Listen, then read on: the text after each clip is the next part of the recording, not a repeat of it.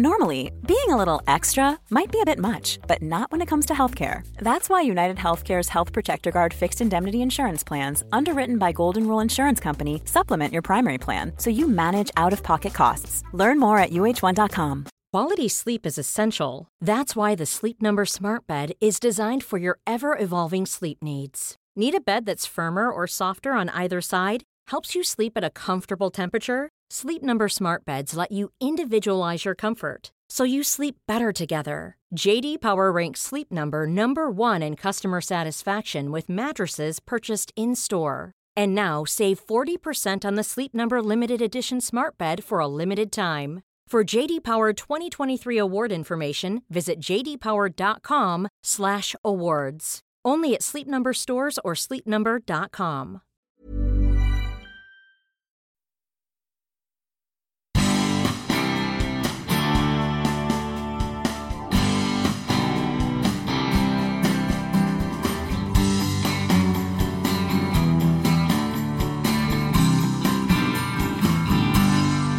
Mamma gjorde alltid sex eh, smörgåsar och en liter Gatorade. Så det är klart, när bensinen tog slut där i slutet på dagen så var det ju lite andra grejer kanske. Men det tänkte man ju inte på den. Alltså det, det skulle ju hålla med sex smörgåsar och en liter Gatorade liksom. Så att, och så tänker jag bara, ska jag verkligen ta den här poängen när jag hört bollen tog?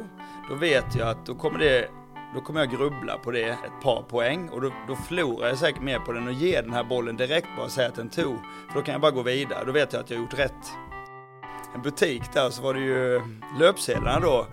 Världsmästare eh, lämnar Sverige, alltså jag gör inte lumpen sådär och så titta, fan det är ju jag på bild. Pingismästaren Jörgen Persson kallas för den snälla världsmästaren. Men varför är det bra att vara snäll? Och vad är snällhet egentligen? Hans värsta konkurrent Jan-Ove Waldner säger att man inte vinner om man är snäll. Att Jörgen är en av de få i världen som har plusstatistik på JO, ja det säger väl en hel del. I början av 80-talet åkte Jörgen Persson och ett antal andra svenska pingisspelare till Kina för att lära. I VM 1989 rev de tillsammans den kinesiska muren och vann i stort sett allt. Hur det gick till och vad Kina betyder för Jörgen, det ägnar vi en hel del tid åt. Och naturligtvis, hur klarar man av att delta i sju OS? Men toppidrott är inte bara medaljer och segrar. Det sliter också på relationer. Vi pratar om äktenskapet som inte höll, försöken att sluta med pingis och den brutna kontakten till Jörgens pappa.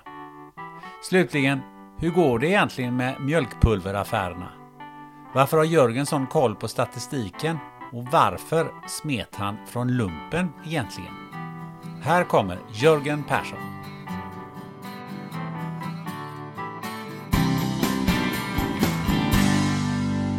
Du, jag tänkte på det här idrott och prestation. Eh, vi måste ju börja någonstans i en, eh, återigen ett världsrekord eh, för eh, Armand Duplantis i natt.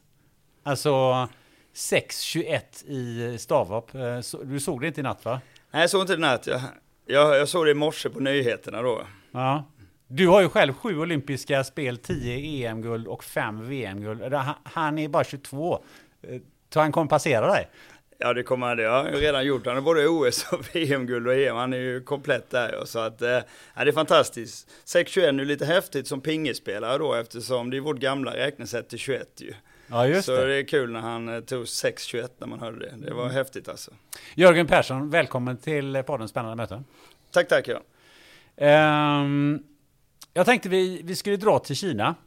Ehm, du har ju både spelat och eh, tränat där och även en hel del där nu. Jag tänkte bara men, kolla lite på hur mycket kinesiska du kan.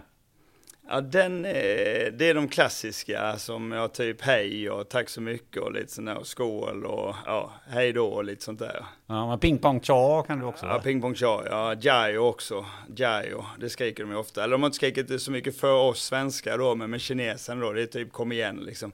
Jayo, jayo skriker de då. Ja. Eh, Som, kine, eh, som icke-kines brukar man ju få något sånt kinesiskt namn. Vad, är, vad har du för namn?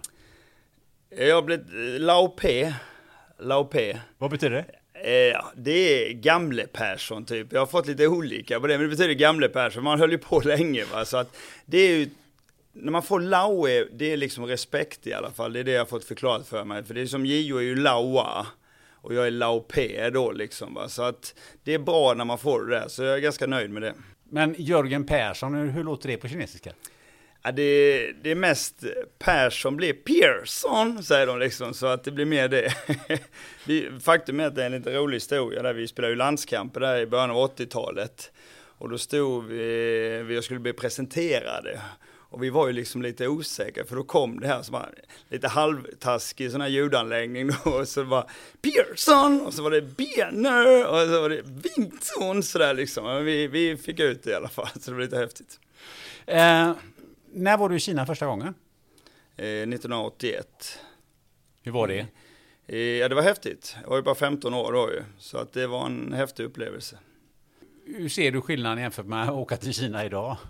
Oh ja, den är, den är väldigt stor ju. För att eh, då 81 eh, kom man ju där, det var ju nästan i stort sett inga bilar, så det var mest cyklar. Och eh, det var en liten väg, vi hoppade in från flygplatsen och nu är det ju ja, fyrfiligt och sådär va. Så fanns typ inte mycket att handla heller. Vi bodde på ett hotell där, och fanns en eh, Friendship, Friendship Store hette den, som var en sån butik man fick handla i då lite, där vi gick och handlade när vi var lediga på söndagar.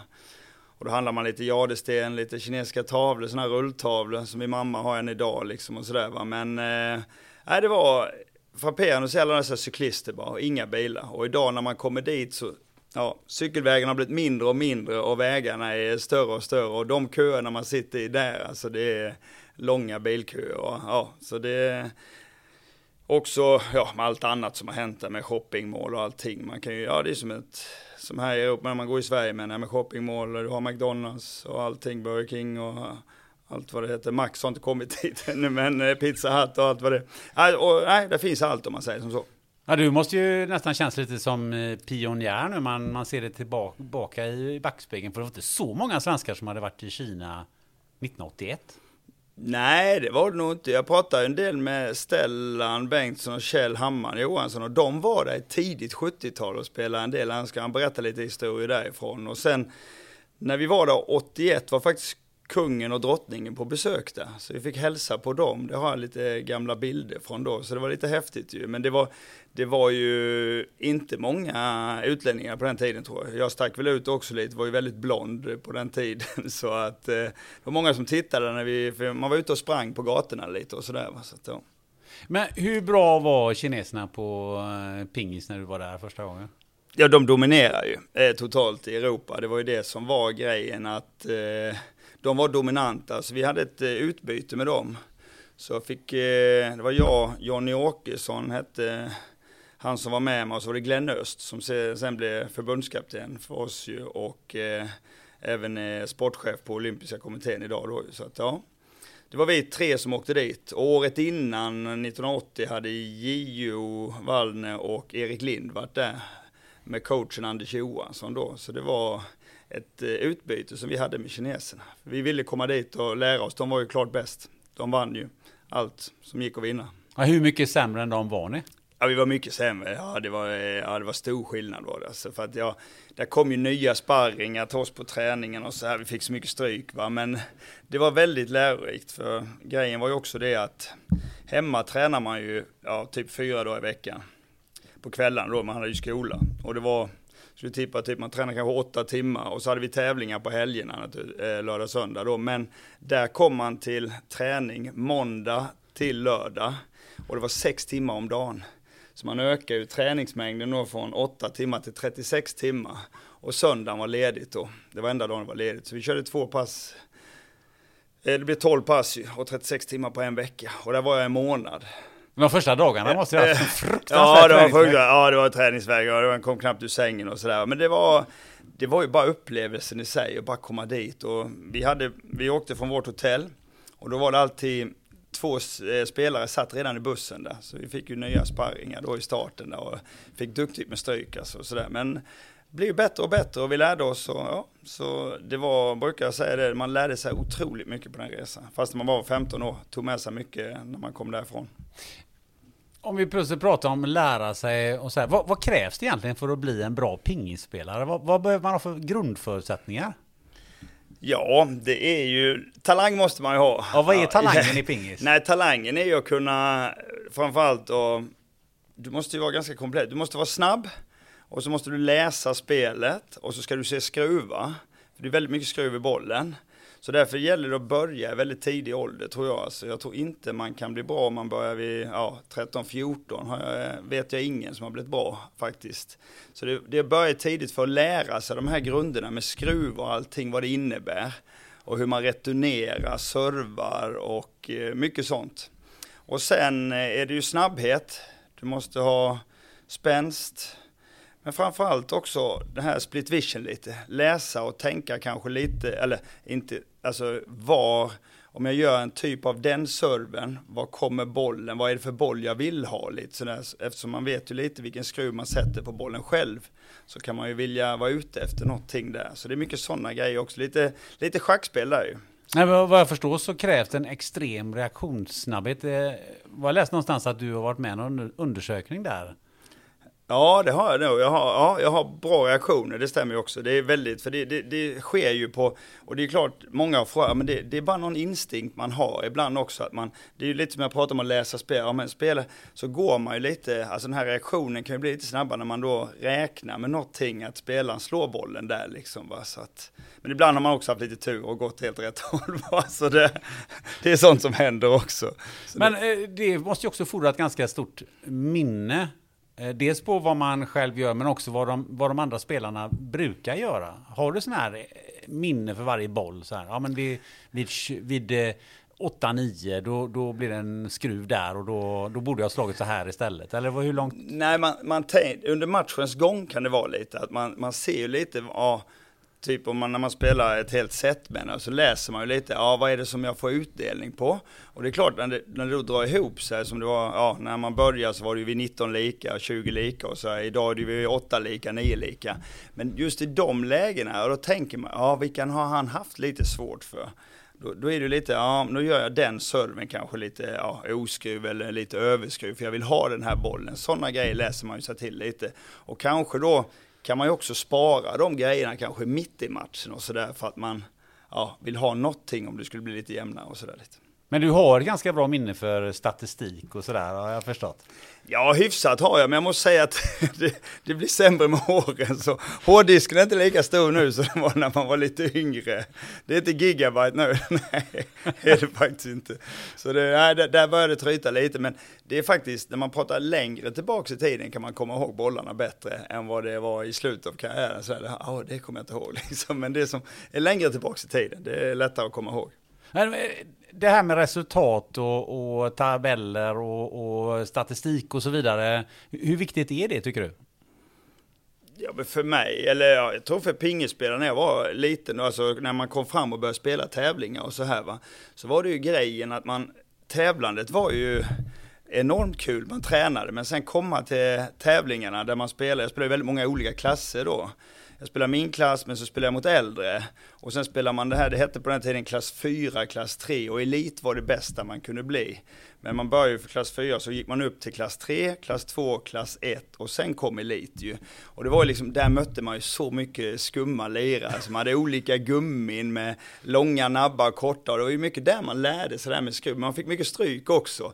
Så jag tror på allt det här tävlandet gjorde en bättre. Alltså, så det var viktigt, alltså utan alla de tävlingarna varje helg man var på och fick möta så mycket olika spelare och fick vinna och få stryk. Det var ju många gånger när man var yngre, det var mycket gånger man ja, grät då att man hade fått stryk, men det, det var ju klart, hade man Mamma gjorde alltid sex eh, smörgåsar och en liter Gatorade. Så det är klart, när bensinen tog slut där i slutet på dagen så var det ju lite andra grejer. Men det tänkte man ju inte på den. Alltså det, det skulle ju hålla med sex smörgåsar och en liter Gatorade liksom. Alltså att, ja, men det, jag tyckte det var, det var roligt och vi spelade även serien i klubben då jag representerade, jag kom ju till Halmstad BTK som sjuåring.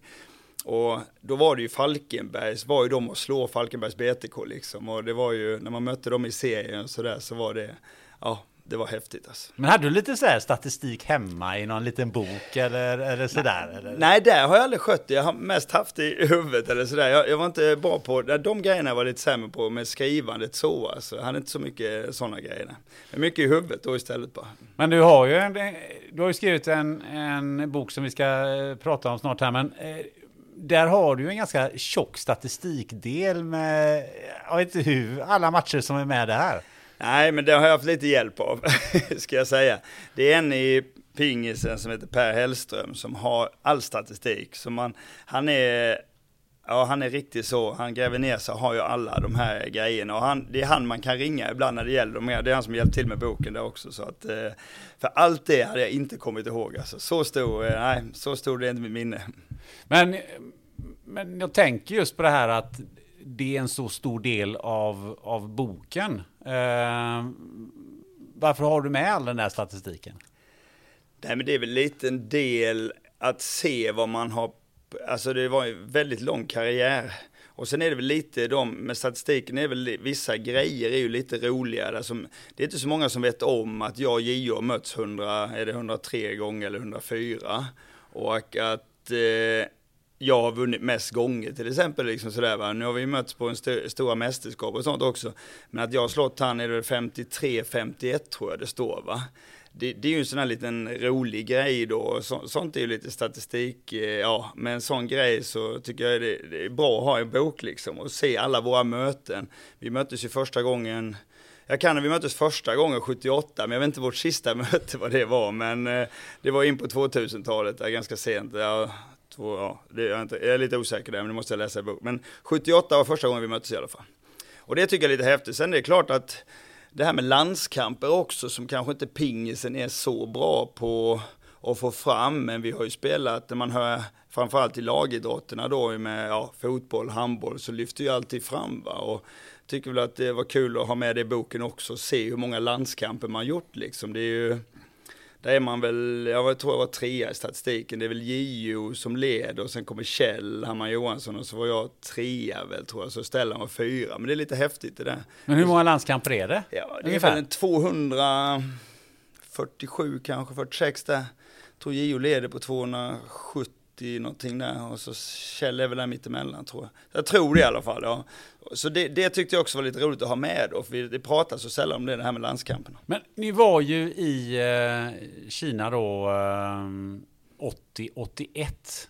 Eh, och 89 så rev ni den berömda kinesiska muren. Hur kunde ni utvecklas så fort? När vi var, det var ju första gången vi var och tränade, men sen var vi där och spelade väldigt mycket landskamper. Vi var där 80, jag tror, 83 var inte jag med, men 84 var jag med första gången. Då åkte vi runt i Kina och spelade landskamper. Och sen fortsatte vi det, men även kineserna när vi spelade SOC, vårt eh, eh, SOC Swedish Open då, så var de här innan också, då spelade vi landskamp mot dem, så vi liksom fick möta dem mycket och lärde oss något hela tiden. Va? Så att eh, så vi kände väl då när 89 kom att det var läge. Vi hade mött dem mycket och börjat slå dem också framförallt. Va?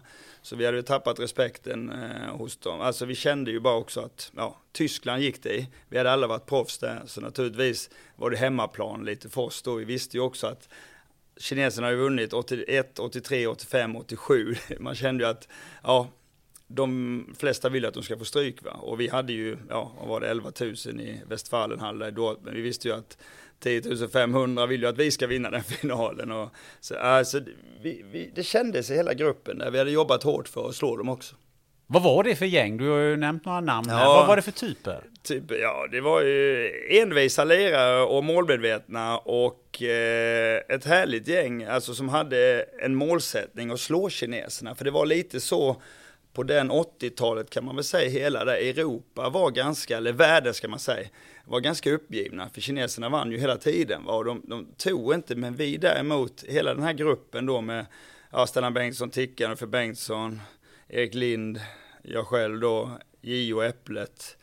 Och sen e-, efter det kom Peter Karlsson, Thomas von Scheele. Va? Så det var ett eh, stort gäng och vi hade bra spelare där bakom också. Jonas Berner var där, Jonny Åkesson som var med mig då. Va? Så att vi var en stor grupp spelare som hade ett mål att slå kineserna. Och eh, som jag sa där med att Europa var, eller världen var ganska uppgiven, men vi såg hela tiden att vi lärde oss någonting när vi mötte dem så mycket också. Så vi kände ju det att då, jag tror vi visade vägen där framförallt när vi slog dem 89. För då blev det också att resten hängde på och sen kom kineserna en liten sån här liten svacka där då när de fick en del stryk och 91 var de inte ens i lagfinal då va. Så att, eh, och även andra började slå dem mer och mer. Du sa Erik Lind där. Eh, mm. Det är ett speciellt namn för mig. Jag har faktiskt, jag har faktiskt spelat mot Erik Lind en gång. Ja, det, ja, ja, det var jag. Han var sju och jag var nio. ja. I deras källare, för jag är från Kungälv. Ja, Kungälv, du är där. Ja, ja just det. Jag fick förmodligen dyngstryk, jag kommer inte ihåg det. Nej, just det, för han pratar om det här nu att, eh, ja, de hade ju har också spelat där i källaren där. Och han hade ju bröderna också där och de spelade väl en hel del där tror jag. Ja. Ja, det stämmer det. Ja, vi var ju också, ja, vi är gamla ja, vänner och vi, ja, han bor i Falkenberg nu så att, ja, så det är kul.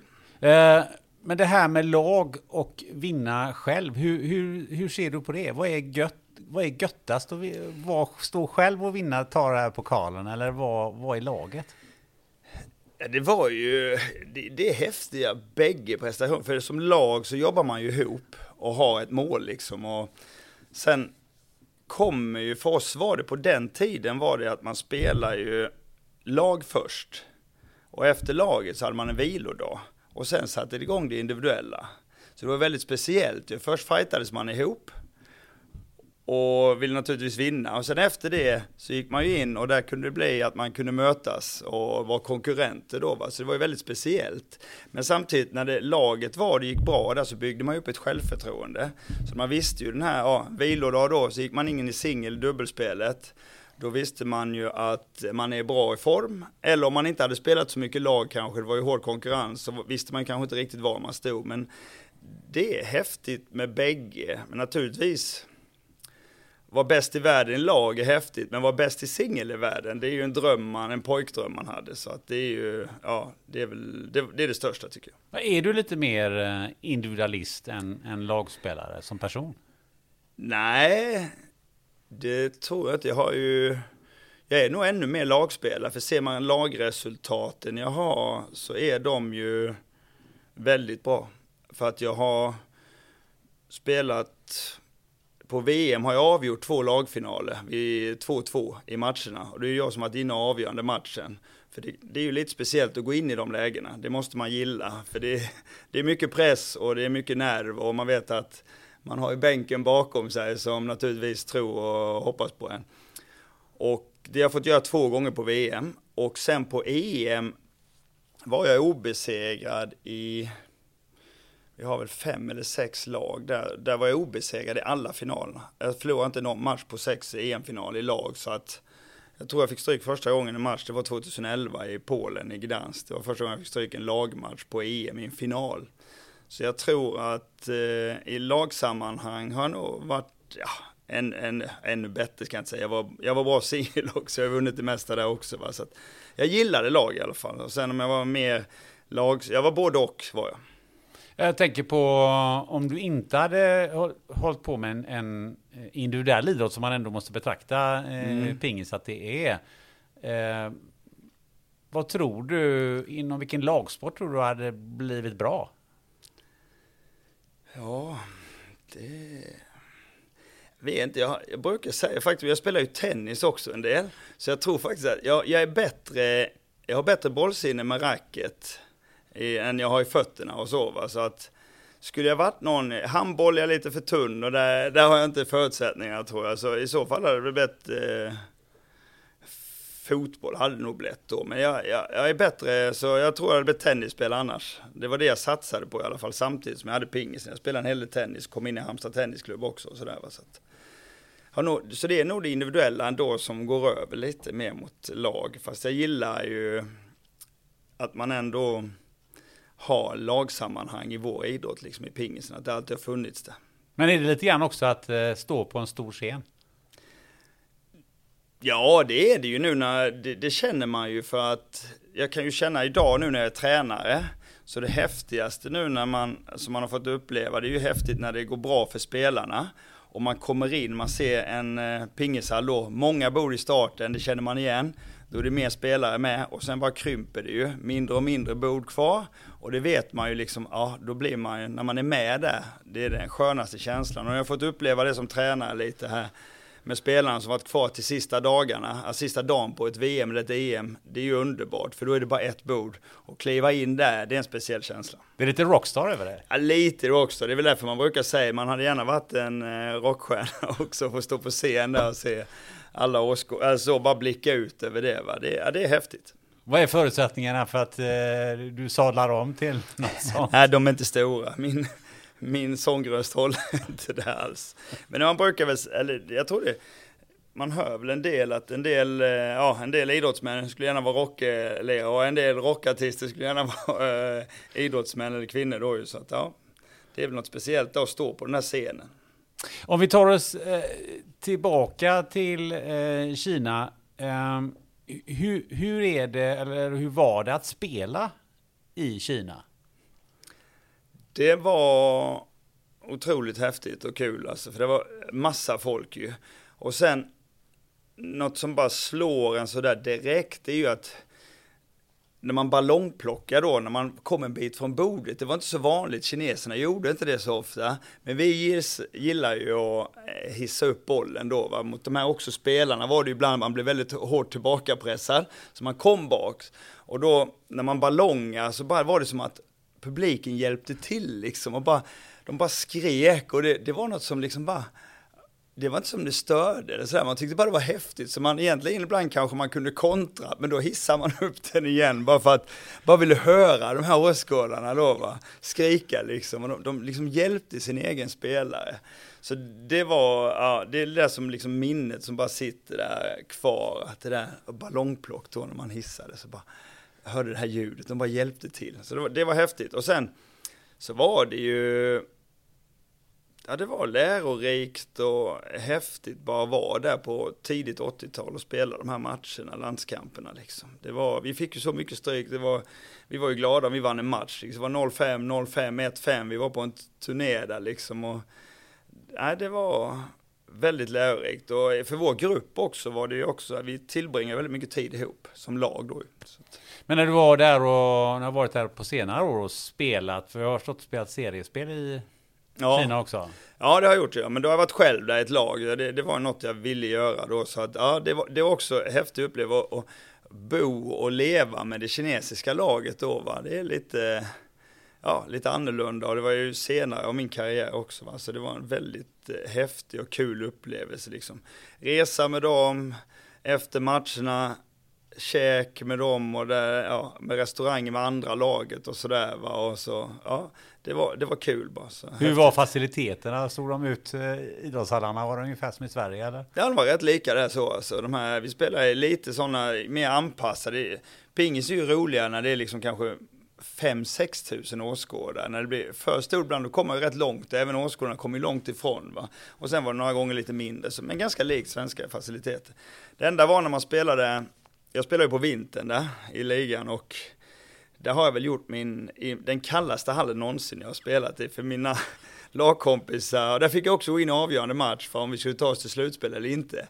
Och det var liksom efter första matchen så var det in i omklädningsrummet dunjacka, vantar och mössa. Och så hade de en sån här ja, en typ fläkt som gav lite värme där inne, för det gick inte att vara där ute, man blåste bara, det var så kallt alltså. Så jag höll mig bara där inne och så blev det avgörande match och satt ju grabbarna på bänken, det var ju det här klassiska med ja, bandyapplåderna, du vet, och de i full mundering, de med dunjacka och allting, ja, det var så kallt. Men jag lyckades vinna så vi gick till slutspel. Vad var det för temperatur? Ja, det, ja, det, det kände, ja, jag vet inte vad det kan ha varit, fem kanske grader i hallen om det var det, eller nollgradigt, ja, det var så kallt alltså. Det var, det var som man, till och med handleden är ju viktig för oss ju, men det var ju liksom man slog in, bara kände jag, att det här kommer inte gå liksom, men nej, det gick, allt går ju med lite vilja. Men hur behandlas du som person i, i, i Kina idag? Vad är din eh, status? Jo, i, det är ju en bra status man har. Som pingisspelare är ju, pingisspelarna har ju en väldigt hög status i Kina också. Va? De är ju väldigt eh, ja, populära framförallt, ja, det har ju varit den populäraste sporten. Nu naturligtvis som i alla andra idrotter får de också konkurrens. Basket har ju blivit väldigt populärt där med Yao Min då. Fotboll hoppas de också på va, men där lyckas de ju inte. Och pingisen har ju en väldigt hög status där va. Så att man blir respekterad och eh, ja, blir alltid väl omhändertagen.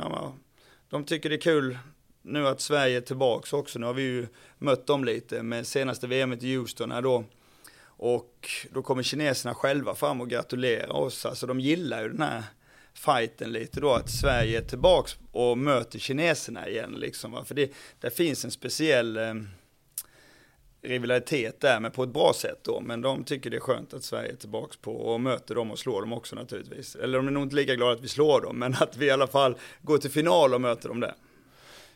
Någon som jag nämnt tidigare här då, Gio Wallner, han har ju en väldigt speciell status i Kina har jag eh, förstått. Är den, ja. Vad kommer det sig att han har det? Nej men det är ju, han har ju skapat det med alla sina titlar naturligtvis och har utmanat. Han var ju den första som, ja då 87 när han gick till VM-final så slog han ju lite kineser på vägen där va. Han fick stryk finalen. Men har utmanat dem hela tiden också va. Och eh, slått dem mycket.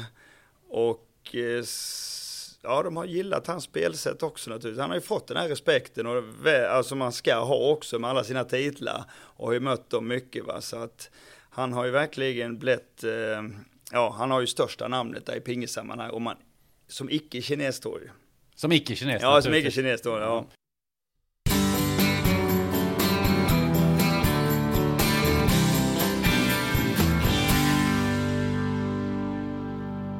Den här podden sponsras av Life Genomics, ett kliniskt laboratorium i Göteborg som bland annat erbjuder covid-tester. Har du precis bokat en resa på kort varsel och behöver PCR eller antigentest för covid-19? Ja, då kan du gå in på coronapassport.se för att hitta en vårdgivare i din närhet och boka en tid för test och friskhetsintyg. Life Genomics har samarbete med kliniker över hela Sverige. Om du reser från Arlanda eller Landvetter så kan du även testa dig direkt på flygplatsen vid Life Genomics Lab i samarbete med vårdgivaren Express Care.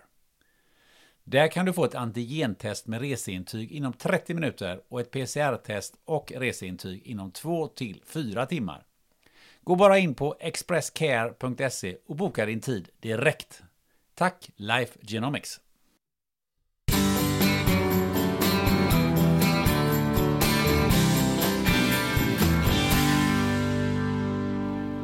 Vi har ämnet Wallner så i din eh, bok Den snälla världsmästaren så har du ju en, en, ett kapitel då, som faktiskt är rubricerat I skuggan av Wallner.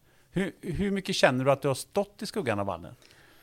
Ja, jag tror... Eh, ett tag var jag förbi honom då när jag blev världsmästare. Alltså, så det är klart att det har väl blivit, jag har inte tänkt så, men alltså, han har ju vunnit. Alltså det har ju blivit, jag vann VM där 91 och ja, han var ju med 89 och sen tog jag fick jag, äh, vann jag 91 och då var jag ju etta en stund där. Och sen vann jag även World Cup och då slog han också. Men sen kontrade jag med att vinna enda svenska OS-guldet 92 där va. Så det, alltså han har ju hela tiden alltså gjort de här resultaten så i skugga, det är svårt att gå förbi också va. Jag var förbi en liten stund där naturligtvis va, men hans resultat pratar, alltså det blir inte i skuggan, jag har åstadkommit så mycket och en, med han, alltså vi brukar prata om det ibland också, att vi har hjälpt varandra på vägen genom att hela tiden ta de här utmaningarna. Han har varit lite bättre, så var jag lite bättre och så har han kontrat där och sen har vi naturligtvis, har det ju blivit att slå kineserna också varit vår liksom, den stora grejen liksom. Så att, eh.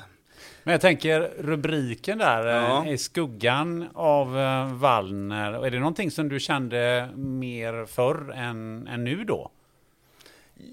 Ja, men jag, eller ja, egentligen för tyckte man väl kanske att, ja, svår, bra fråga, men jag skulle, ja, det, det, är väl rubriken i sig säger väl lite att med så mycket som jag har vunnit och var i skuggan av någon så är det väl lite kanske att, ja, det kanske inte är normalt eller så att, ja, känner jag vill inte säga att jag tänkte faktiskt inte på så, så mycket på den tiden. Det kanske nu att det var en fin rubrik i alla fall, i skuggan av vallen. Nej, men det, det, är klart man har alltid varit det, men som jag säger att jag har inte haft, det har varit en sporre också menar jag sådär va. Så att, sen, eh, nej, För du lyfter ju gärna fram eh, plusstatistiken på Wallner. Ja, men det får man göra ju. Att den är ju lite rolig att ha också. För när vi pratar, jag och JO, så har han ju vunnit mest viktiga matcher.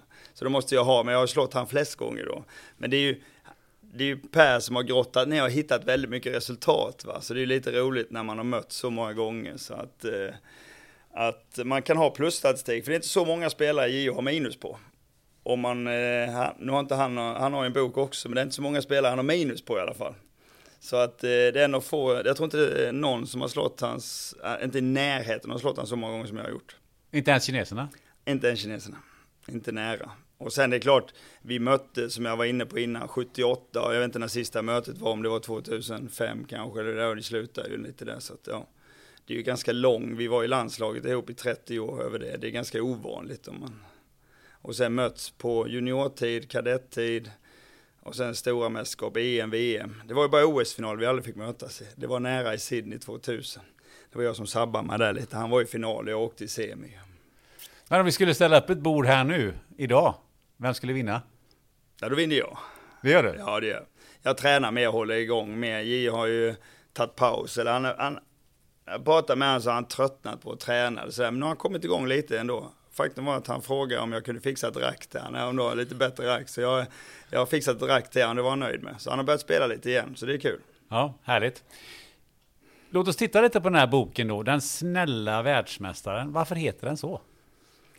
Det var författarna Jens och Helena då som, eh, ja de var runt och pratade mycket folk runt om mig då, alltså eller sådär. Och det var, ofta var det att det ordet kom, att jag är så snäll liksom. Så då tyckte de att, ja, det var en bra titel på en bok att ha det liksom. Man, idag ska det ju vara kanske att det är ibland mycket coolt och sådär va, men de tyckte att det var en passande titel och när de pratar med så mycket människor också så blev det det liksom. De känner att, ja, det var det ordet som alltid kom upp. Ja, han är en snäll liksom. Sådär. Men hur är din relation själv till att vara snäll? relation, jag vet inte. För mig det är vad ganska, upp- nej men jag uppfattar det som att det är väl att respektera folk menar jag liksom. Det- Jag tycker inte det är så svårt att man kan det är ganska naturliga grejer ibland. Man kan eh, ja, släppa före, hjälpa till liksom eller sådär. Att man är ja, snäll, man går ett, över ett övergångsställe menar jag. Så kan man väl tacka den som släpper en liksom. Man behöver inte bara gå surt, bara stirra ner mobiltelefon. Man tackar liksom och hälsar på folk, var allmänt så liksom. Jag tycker det Ja, jag tycker det är överhuvudtaget när jag kommer till flygplatser, flyg, men jag gillar att allt, alltså komma fram till en människa, prata med den man checkar in med liksom och ja, ett säte kanske, sådär, den här kontakten och är man på ett bageri eller går och handlar på ett konditori och pratar lite sådär, tycker det är, så det, för mig är det bara att vara naturlig, jag har alltid varit sån liksom, tycker det och Sen att, ja snäll, varför ska man vara dum egentligen? Varför, det finns ju så mycket, så mycket konstigt och dumt idag va? så att eh, snäll tycker jag är Men varför tror Mm. du att det utmärker eh, dig? Det är väl kanske, jag vet inte, det är väl att man är, har varit lite, eh, att man är officiell då, liksom att jag är, folk känner ju till det menar jag, och, och eh, sen har jag väl, de frågar ju också, ja, det kanske du också ställer sen, va, alltså om, om jag har förändrat mig någonting med alla framgångar och sådär, men jag tror inte det, jag har alltid varit, jag har alltid sett att jag har varit en snäll, ja, sett snällhet som något ganska naturligt för mig liksom, att det, jag har inte ändrat mig så mycket tror jag sen jag var liten eller så. Men så känns det inte som i alla fall. Att jag är ganska lik som när jag, innan framgången också eller så. Va? Var har du fått den här snällheten ifrån om du skulle analysera det? Jag tror det är från min mamma mycket. Ja, hon är väldigt snäll och det är hon som eh, ställer upp idag när jag reser väldigt mycket och sådär och hjälper mig en hel del då med, med huset och jag har alltid ställt upp också på ett fantastiskt sätt liksom så att eh, tror mycket kommer därifrån. Men alla människor är ju inte snälla mot dig. Nej, det är de ju inte. eh, Och, då, det har ju hänt eh, att jag, jag kan ju bli arg. Det är inte så att, eh, jag tror inte jag hade kommit så länge, långt heller om jag inte hade varit arg ibland. Alltså, eller sådär. Och även, jag förvandlas väl lite när jag kommer in i pingishagen. Där, där kan jag bli, där, där är man ju inte snäll när jag väl kommer in i hagen. Då gäller det att vinna ju.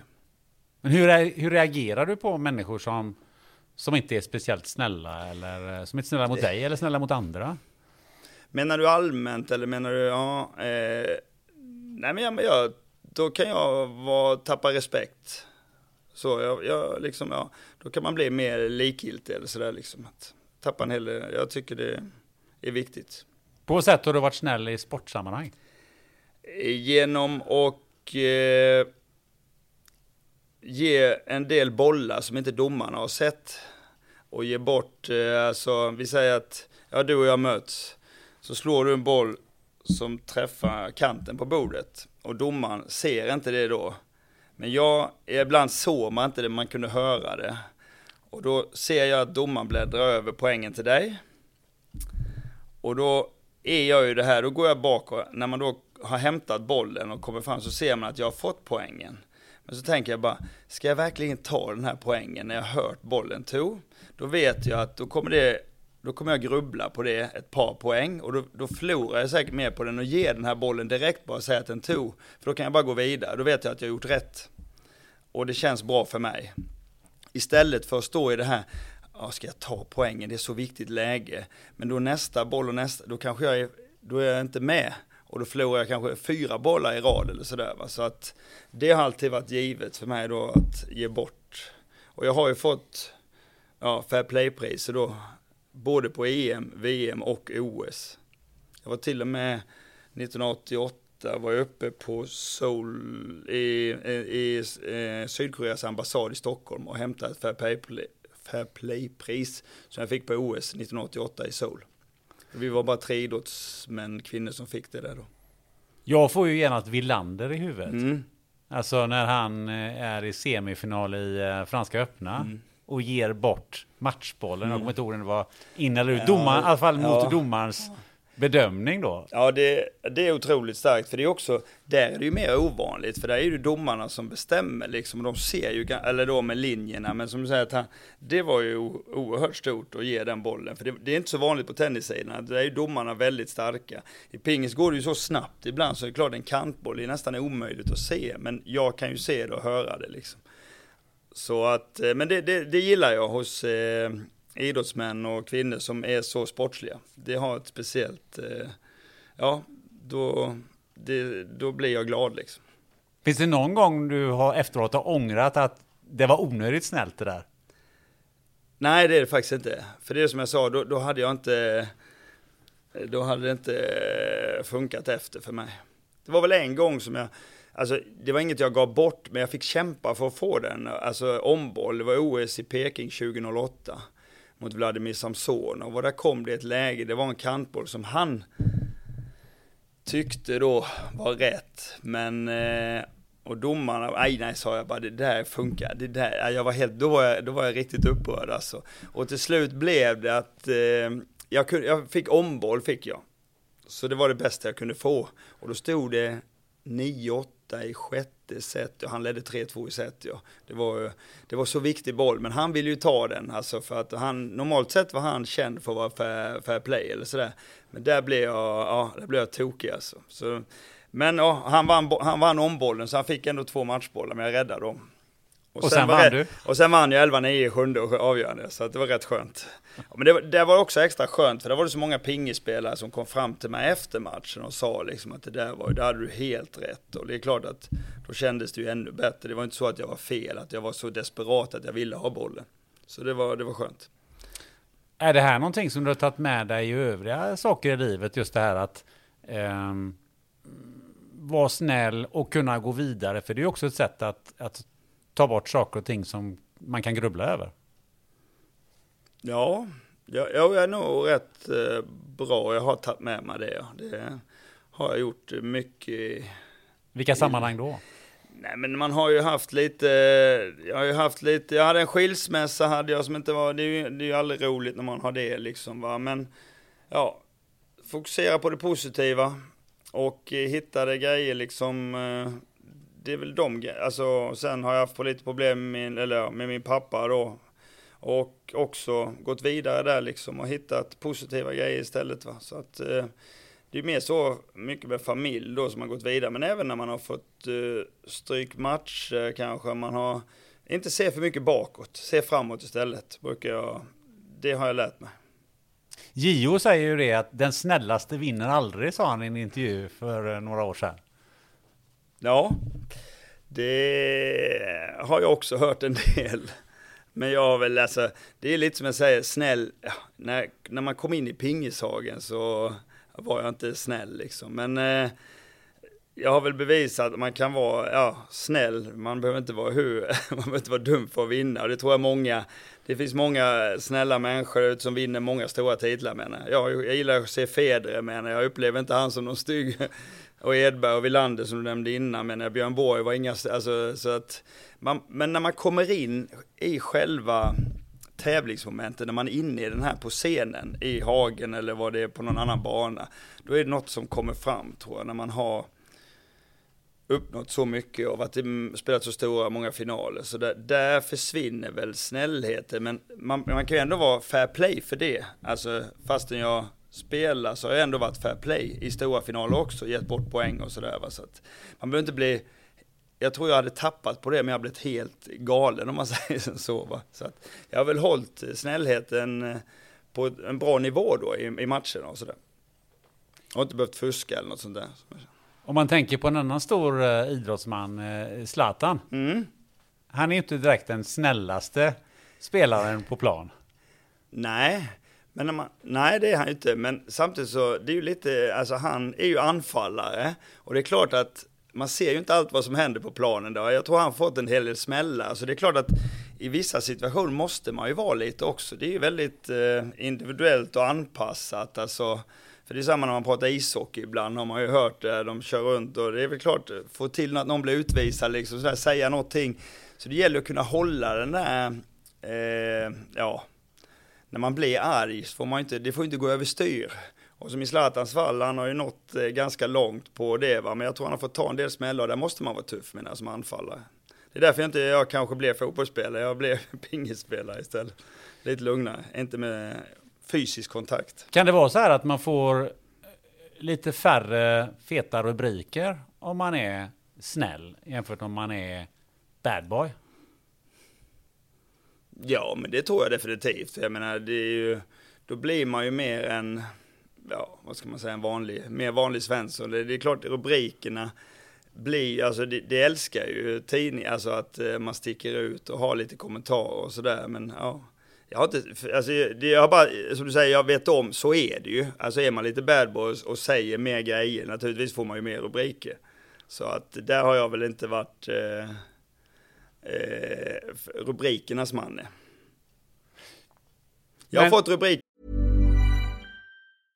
This is Paige, the co-host of Giggly Squad, and I want to tell you about a company that I've been loving, Olive and June. Olive and June gives you everything that you need for a salon quality manicure in one box. And if you break it down, it really comes out to $2 a manicure, which is absolutely insane. It's also so easy to get salon worthy nails at home with Olive and June. The difference between how your nails used to look when you did them yourself and now with the Manny system is a complete game changer. The best thing about Olive and June too is it's a quick dry, dries in about one minute, lasts for five days, and full coverage in up to one to two coats. Visit oliveandjune.com slash perfect Manny 20 for 20% off your first system. That's oliveandjune.com slash perfect Manny 20 for 20% off your first system. Want flexibility? Take yoga. Want flexibility with your health insurance? Check out United Healthcare Insurance Plans. Underwritten by Golden Rule Insurance Company, they offer flexible, budget friendly medical, dental, and vision coverage that may be right for you. More at uh1.com. If you're struggling to lose weight, you've probably heard about weight loss medications like Wigovi or Zepbound, and you might be wondering if they're right for you. Meet PlushCare a leading telehealth provider with doctors who are there for you day and night to partner with you in your weight loss journey. If you qualify, they can safely prescribe you medication from the comfort of your own home. To get started, visit plushcare.com slash weight loss. That's plushcare.com slash weight loss. Plushcare.com slash weight loss. En gång när vi ändå är inne på det, och då blev jag faktiskt ganska överraskad för att det var eh, 90 91, vi, jag skulle in i lumpen. Och med JO och Peter Karlsson och Thomas von Scheele. Och eh, jag hade samtidigt skrivit på för en tysk klubb i ATSV Saarbrücken. Och då hade vi möte med ja, armén, för vi skulle ligga på I16 i Halmstad. Och då var det ju liksom, och nej men du kan inte få ledigt någonting, du måste vara där måndag. Ja men jag har spridit på för en tysk klubb och vi spelar fredagar, jag måste ju åka ner torsdag då. Nej det gick ju inte, de var stenhårda var de sådär va. Så det slutar ju med att eh, jag var tvungen att flytta till Tyskland. Och så blev det i alla fall att jag gjorde ju inte lumpen, men det jag kommer ihåg från det är att jag hade varit på en träning, jag bodde i Malmö på den tiden, och eh, åkte hem från träningen, stannade vid ett trafikljus, tittade till höger, där var en, eh, en butik där, så var det ju löpsedlarna då, världsmästare eh, lämnar Sverige, alltså jag gör inte lumpen sådär och så tittade fan, det är ju jag på bild. så jag, jag blev så, alltså sådär, jag fick alltså bara, eh, var på där och det, det kommer jag ihåg. Då var det alla löpsedlarna liksom. Jag bara, fan, äh, det, är, det, det är en grej jag aldrig kommer glömma. Fan, satt där i bilen och så blev det ju grön tuta i bakom. Så ja, det är grönt och vi kör. Liksom. Så där fick jag lite då, där fick jag skit för det att jag inte gjorde den då. Va? Men äh, ja, så det var, det kommer jag ihåg. Där, blev jag, där var jag rubrikernas man en liten stund där på att jag inte gjorde lumpen då. Så att. Apropå det här med Gio, han ja. kanske var på rubrikerna oftare, han kanske var lite mera, stack ut mera. Ja, han var väl, ja han har ju gjort några grejer väl eller sådär kanske så att ja, Äpplet har väl också varit, de är ju i Stockholm också, det händer lite mer grejer där. Jag kommer från lilla Halmstad här, så det är lite lugnare här. Jag blir lite nyfiken på, när, när ni är där inne i hagen och, och spelar, hur mycket, mycket trash talk är det mellan spelarna?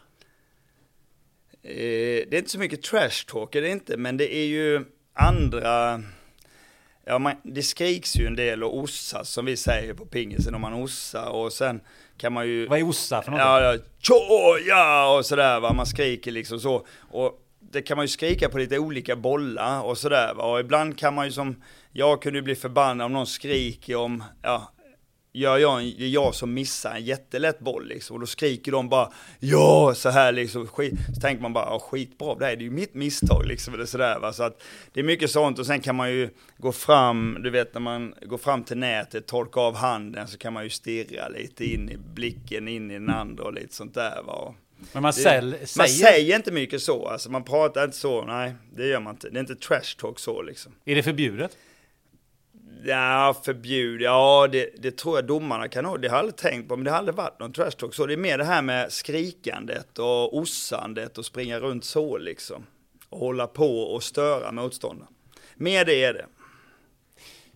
Det här med eh, eh snällhet, om man lyfter det lite eh, upp eh, på lite eh, högre perspektiv och tänker på eh, alltså mänskliga rättigheter och, och sådana här saker. Jag, blivit, jag funderar lite grann, du har ju varit både i, och är i Kina och du har även varit i Qatar. Uh, och jag är lite nyfiken på hur du tänker kring de här uh, grejerna. För att ja, man, det kanske är svårt att säga att de är, det, det är inga snälla regimer, i den mån man kan säga snälla regimer. Men har du fund, vad har du för funderingar kring, kring de grejerna? Ja, nej men jag förstår ju vad men Nej, funderingarna är väl att som jag, jag bodde ju, om vi börjar med Qatar, så bodde jag där 2005 till 2006. Jag jobbade som tränare där. Och eh, då var det ju gästarbetarna som det är mycket prat om nu. Och det är klart att det fanns ju redan där då. Och när man ser tillbaks på det så är det positiva är nu, nu kommer fotbolls-VM, då lyfts ju frågan. Men när jag bodde där så var det ju ingenting, alltså vi bodde ju där och jag var coach för Aspire heter det, en stor sån. Men man lever och bor där och eh, förstår ju att det finns ett på det här med mänskliga, men folk är där. Jag lärde känna taxichauffören som vi hade, liksom han förklarade för mig att han åker dit för att att hans familj i sitt hemland då ska få det bättre, skicka pengar och så här. Va? Så man, man är ju medveten om det, men sen är det ju alltid, ja, ska jag tacka nej till att inte åka dit då och jobba där som pingistränare? Jag kan ju hjälpa dem, spelarna där, och bli bättre pingisspelare. Men alltså det, det är ju svåra balansgångar och som du säger, Kina vet vi alla att de mänskliga rättigheterna är ju inte heller där. Va? Det är ju, sen är vi ju ett land som har betytt mycket för mig och jag har varit där mycket. Sen, och de är ju pingisnationen nummer ett. Ska man inte åka dit? Nej, jag vet inte, liksom det är ju,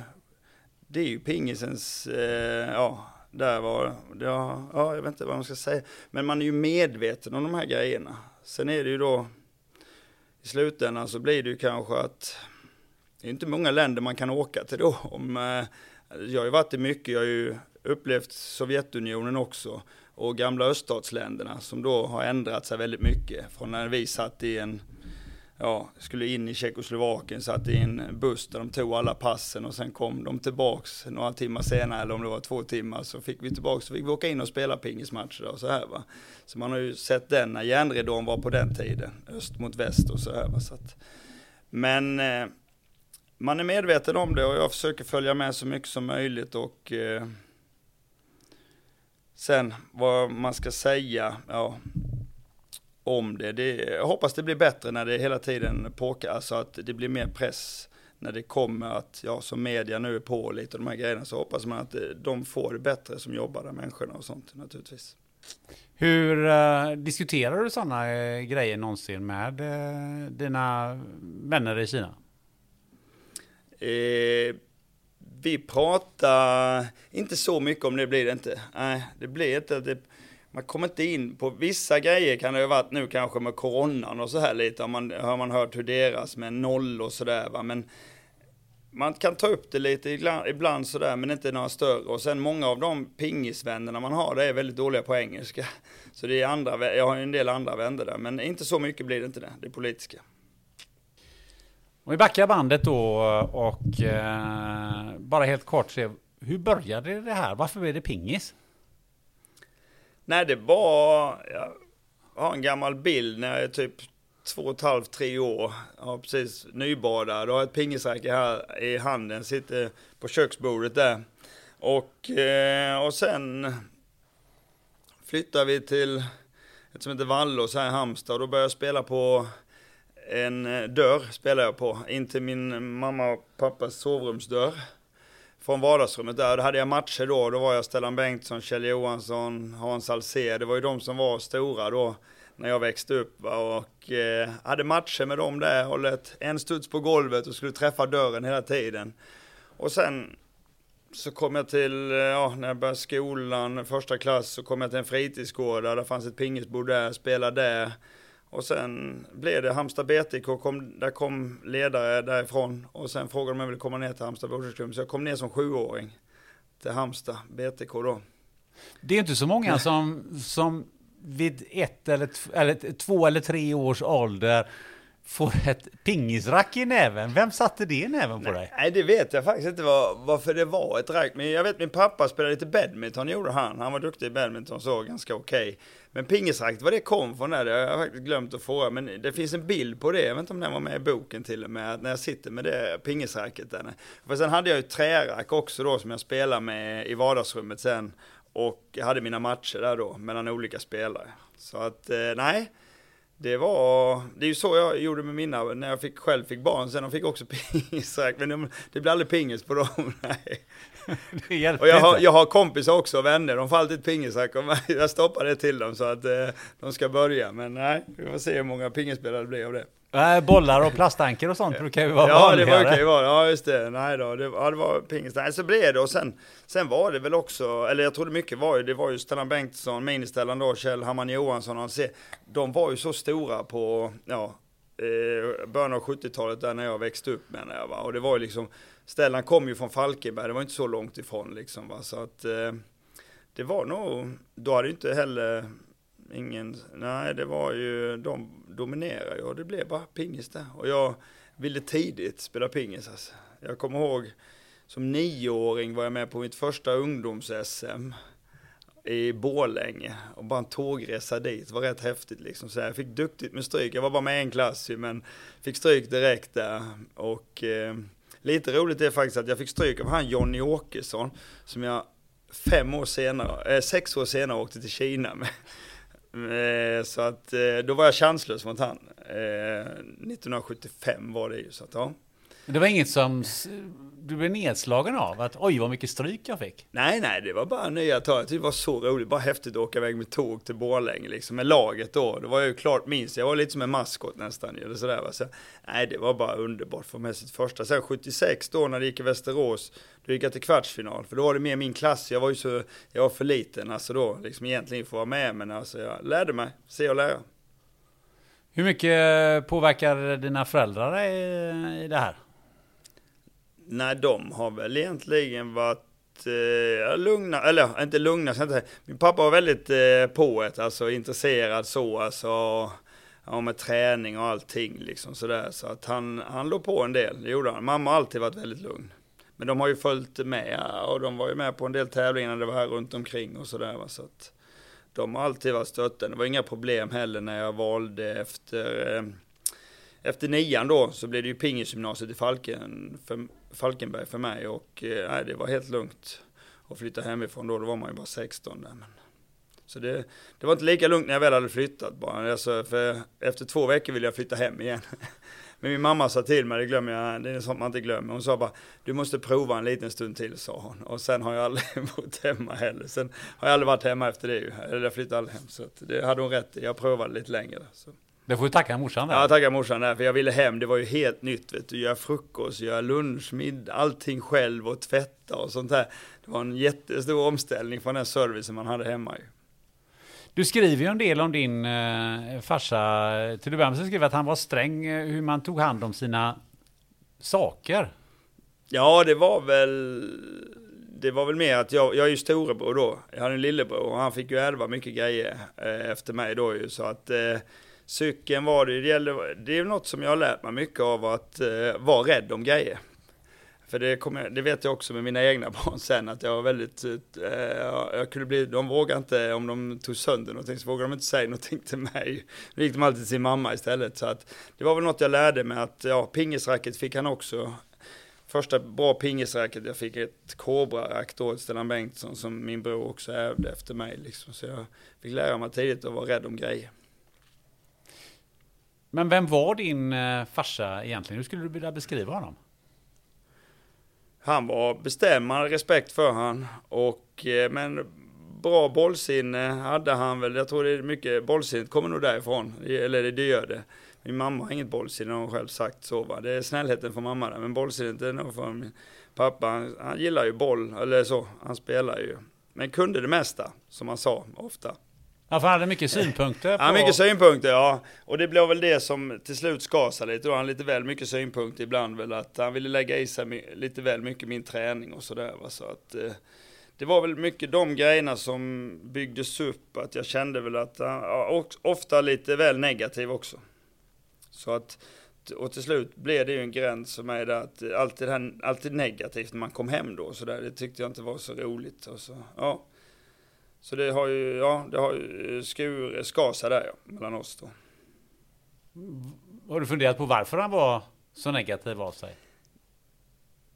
Nej, jag vet inte det. Han är, vissa är ju lite negativa det kan man väl, eller ibland själv idag kan jag känna det. Att när jag sitter kanske hemma och sådär så får man ju nästan själv ibland. Det är alltid lättare att kritisera än att inte kritisera och det är lättare att vara negativ. Så det är väl det har jag lite funderat, äh, bli inte negativ, du behöver inte kritisera, för det är alltid mycket enklare än att vara positiv och, och berömma och sånt. Så att, eh, nej, jag tror det bara är någonting, det, är lätt kanske att komma in i det där, bara se det negativa och bara gnälla på folk eller annat sådär. Så att, det är något jag försöker ta med mig själv, även nu när man jobbar som tränare. Att du får inte bara vara superpositiv, men inte att det negativa alltid tar över.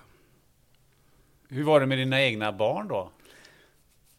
Jo, det har jag försökt eh, vara positiv, men det, som jag sa innan så jag kunde bli arg där, så de hade ju respekt för mig, för de gick alltid till mamma och de hade tappat någonting eller något sånt där som hade, då var de lite mer, eh, att de inte vågade säga det till mig, för de visste att jag satte högt pris på det där, var rädd om grejer sådär, men eh, annars har jag väl... Eh, Fick du tänka på det? Eh, nej, det var det är mer naturligt, tror jag väl att jag jag ville att de skulle lära sig vara rädda om grejer. Ja, just grejer, men ja. just det här negat. Ja, det försök, ja det, det tror jag tänkte på för eftersom jag var bortrest väldigt mycket. Och så när jag var hemma så vill man inte bara komma hem och vara alltså, negativ och sådär. För att jag var ju väldigt mycket borta när de var små menar jag. Så eh, jag har ju alltid rest och pingisen har ju tagit väldigt mycket tid. Och sen flyttade vi till Norge också, för min exfru var norska ju. Så att då blev det att jag var ännu mer borta menar jag, för att det var inte så bra träningsmöjlighet i Norge. Så att, och när jag väl kom hem då försökte jag alltid vara, ja, vara där hela, för dem då liksom, att inte se, inte så mycket negativt. Nu. Har du någon kontakt med din pappa idag? Nej. Vad, nu kan han ju inte ha så mycket synpunkter på din pingis åtminstone. Ja, det vet man inte. Det, idag är jag ju tränare, så det vet jag inte. Nej, det, jag vet inte. Vi har ju ingen kontakt och det, det är tråkigt. Och framförallt är det väl, kan jag väl tycka ibland, det är ju allra tråkigast för mina barn då, som inte heller har träffat honom och sådär. Så de har inte lärt känna honom alls. Sin morfar då, så det är ju tråkigt. Jag har ju själv eh, föräldrar som är 95 Mm. och eh, har nyligen eh, då intervjuat dem och de fått berätta om sitt liv.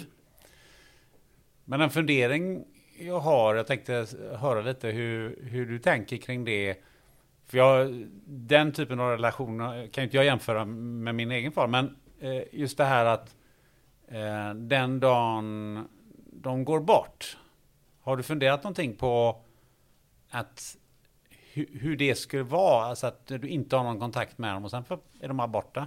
Eller? Eh? Ja, det är klart Eh, man funderar för de börjar komma upp i åren, både mamma och pappa då. Och sen tror jag med min pappa då har det, det har hållit på så länge liksom, så det har bara liksom, ja, jag vet inte. Ja, jag, det är klart som du säger, det, det närmar ju sig kanske då, men de, dina är 95 så det är många år, alltså min pappa blir 80 här och min mamma är 79 va, så att, eh, ja. Men tanken har slått det, men jag och min pappa har haft en väldigt lång, eh, lång paus. Så att det har gått så väldigt många år. Så därför har jag inte lagt så mycket tanke på det. Nej.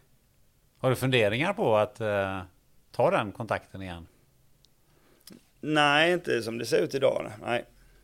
Så du lever med att om det skulle vara så att han eh, dör imorgon så, är du fine med att ja, det var, det var som det var. Ja, så känns det just nu i alla fall. Sen ska man väl aldrig säga att det behöver vara så hela. Man vet ju aldrig här vad som händer framöver. Vi får se.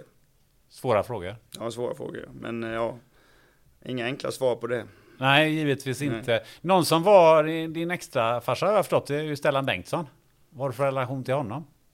Jo, vi har en eh, ja, fantastisk relation menar jag. Vi har ju känt, eller han har ju, vad heter det, hjälpt mig mycket på vägen, delat med sig mycket av vad han lärde sig och eh, det är väl något jag också försöker ta med mig nu när man är tränare och dela med sig så mycket av vad jag har lärt mig. Men relationen är ju att han bor i San Diego idag och eh, vi syns inte så ofta, men vi pratar en del på telefon då och eh, han fyller ju faktiskt 70 år också så att ja, det är lite häftigt.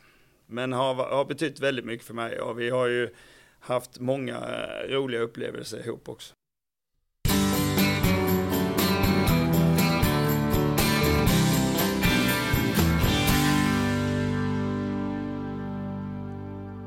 Väntar du eller någon i din närhet barn?